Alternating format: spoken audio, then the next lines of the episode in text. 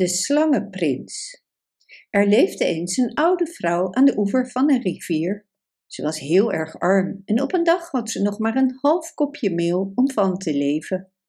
Dus besloot ze een bad in de rivier te nemen en daarna een laatste avondmaal van het meel te maken.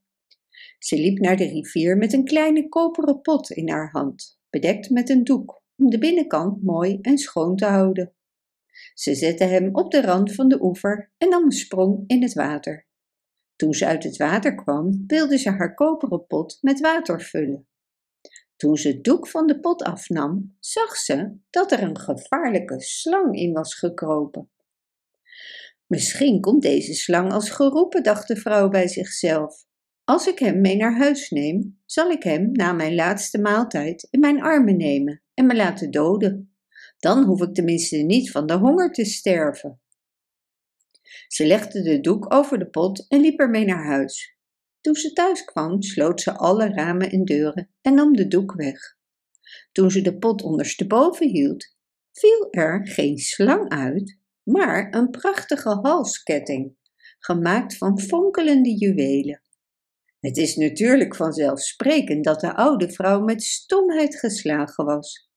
Even kon ze niet zeggen, maar ze had wel al heel snel een goed plan bedacht. Ze nam de halsketting mee naar de koning om er veel geld voor te vragen. De koning was erg onder de indruk van de halsketting en betaalde de vrouw zoveel geld dat ze haar leven lang genoeg had.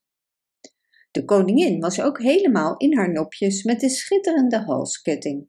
Ze borgen de ketting op bij de andere kroonjuwelen in een kist die op slot ging en waarvan er maar één sleutel was, en die droeg de koning om zijn nek. Korte tijd daarna werden de koning en koningin uitgenodigd om op het geboortefeest van een babymeisje van de koningin en koning van het buurland te komen. Omdat er weinig tijd tussen de uitnodiging en het tijdstip van het feest zat, maakten de koning en koningin zich snel gereed om op reis te gaan. De koningin trok haar mooiste jurk aan en het was het perfecte moment om de mooie nieuwe halsketting te dragen. De koning opende de kist van de kroonjuwelen, maar daar lag de halsketting niet. In plaats daarvan lag er een kleine babyjongen die hem lieflijk glimlachend aankeek. Kijk, kijk, riep de koning verrast naar de koningin.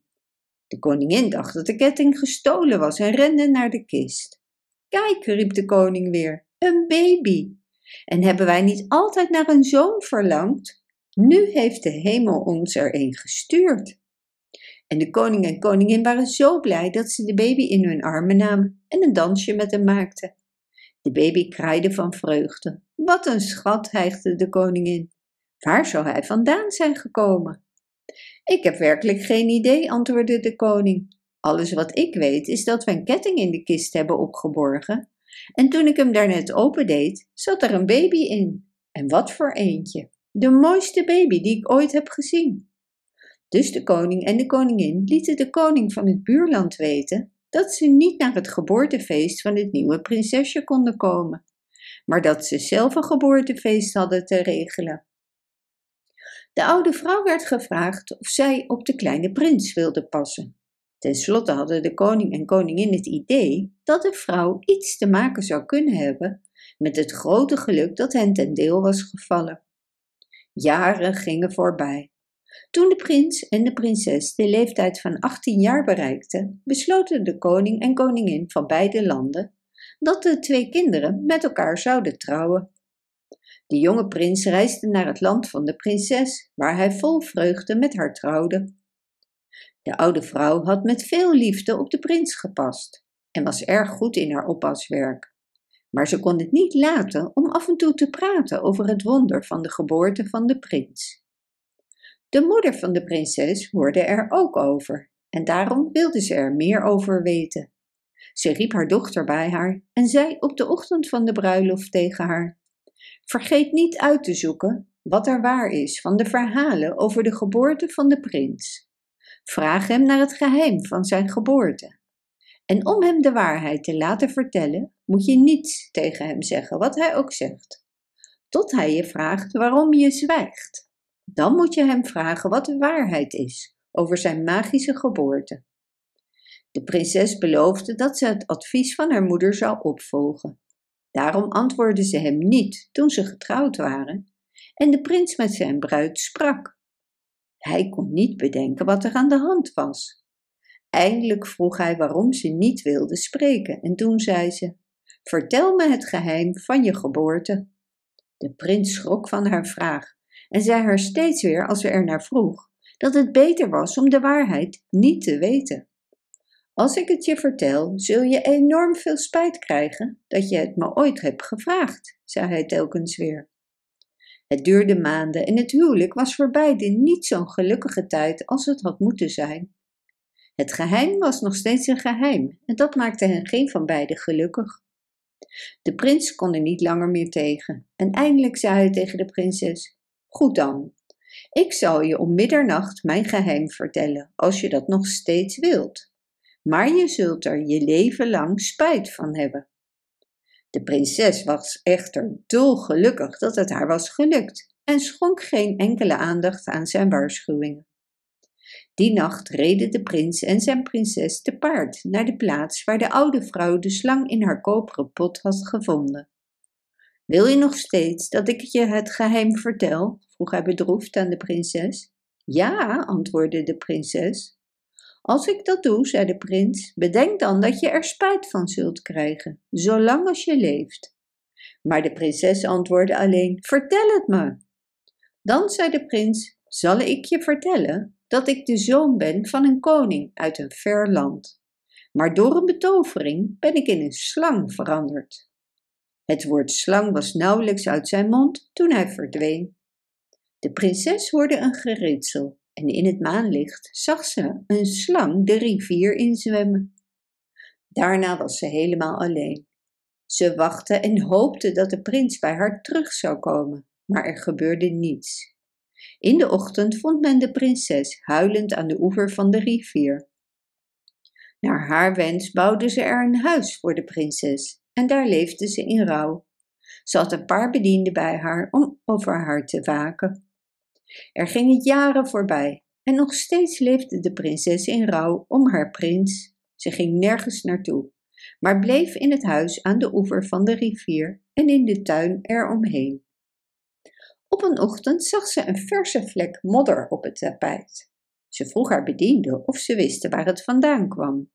Maar de bedienden zeiden dat ze nooit iemand in het huis lieten en dat ze alles goed in de gaten hielden. Er zou zelfs geen vogel naar binnen kunnen vliegen zonder hun medeweten. De volgende ochtend vond de prinses opnieuw een verse vlek modder.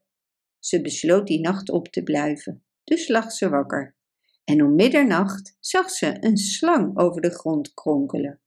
Toen hij bij het bed kwam, hield hij zijn hoofd omhoog en liet zijn modderige hoofd op het beddengoed vallen.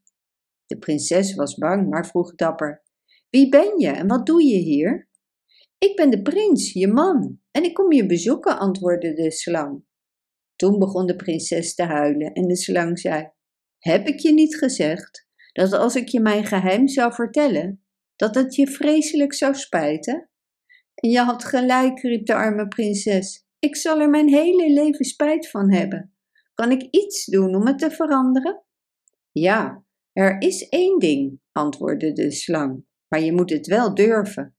Vertel het me maar, zei de prinses, en ik zal alles doen. In dat geval, zei de slang, moet je op een bepaalde nacht een grote kom met melk en suiker in elke hoek van deze kamer zetten.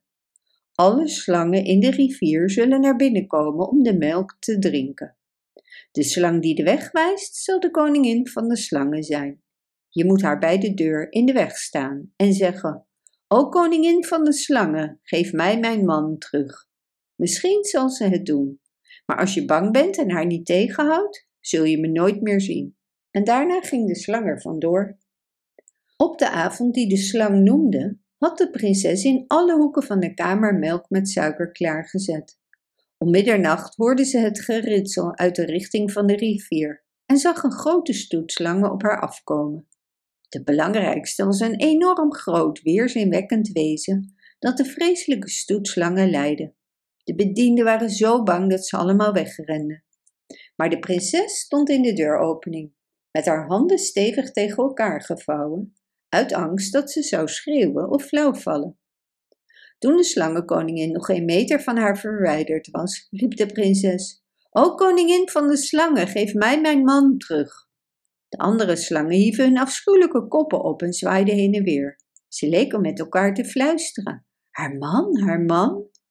Maar de slangenkoningin hief haar kop op, tot het bijna het gezicht van de prinses raakte. Haar kleine ogen leken te flitsen. Nog steeds stond de prinses in de deuropening en bewoog zich niet. De prinses riep nog een keer: O koningin van de slangen, geef mij mijn man terug. Morgen zul je hem hebben, antwoordde de slangenkoningin. Toen de prinses deze woorden hoorde, wist ze dat het haar gelukt was. Tollend op haar benen zocht ze haar bed op en viel flauw. Ze droomde dat de kamer zich vulde met slangen die kibbelend met elkaar de melk met suiker opdronken tot het op was. daarna gingen ze weg. De volgende ochtend stond de prinses vroeg op en trok haar mooiste jurk aan. Ze maakte het huis schoon en versierde het met slingers en bloemen. Toen het avond werd, versierde ze de tuin met lantaarns. Een grote tafel werd versierd met bloemen.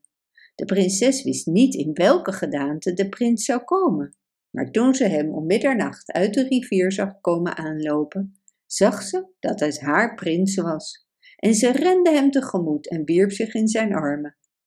De volgende dag gingen de prinses en de prins terug naar het paleis. Er werd een groot feest gevierd en iedereen was dolgelukkig. En de prins en prinses kregen een paar prachtige kinderen. En de oude vrouw werd opnieuw gevraagd om op de kinderen te passen, hoewel ze veel te oud was om echt iets voor ze te doen, behalve dan veel van ze houden.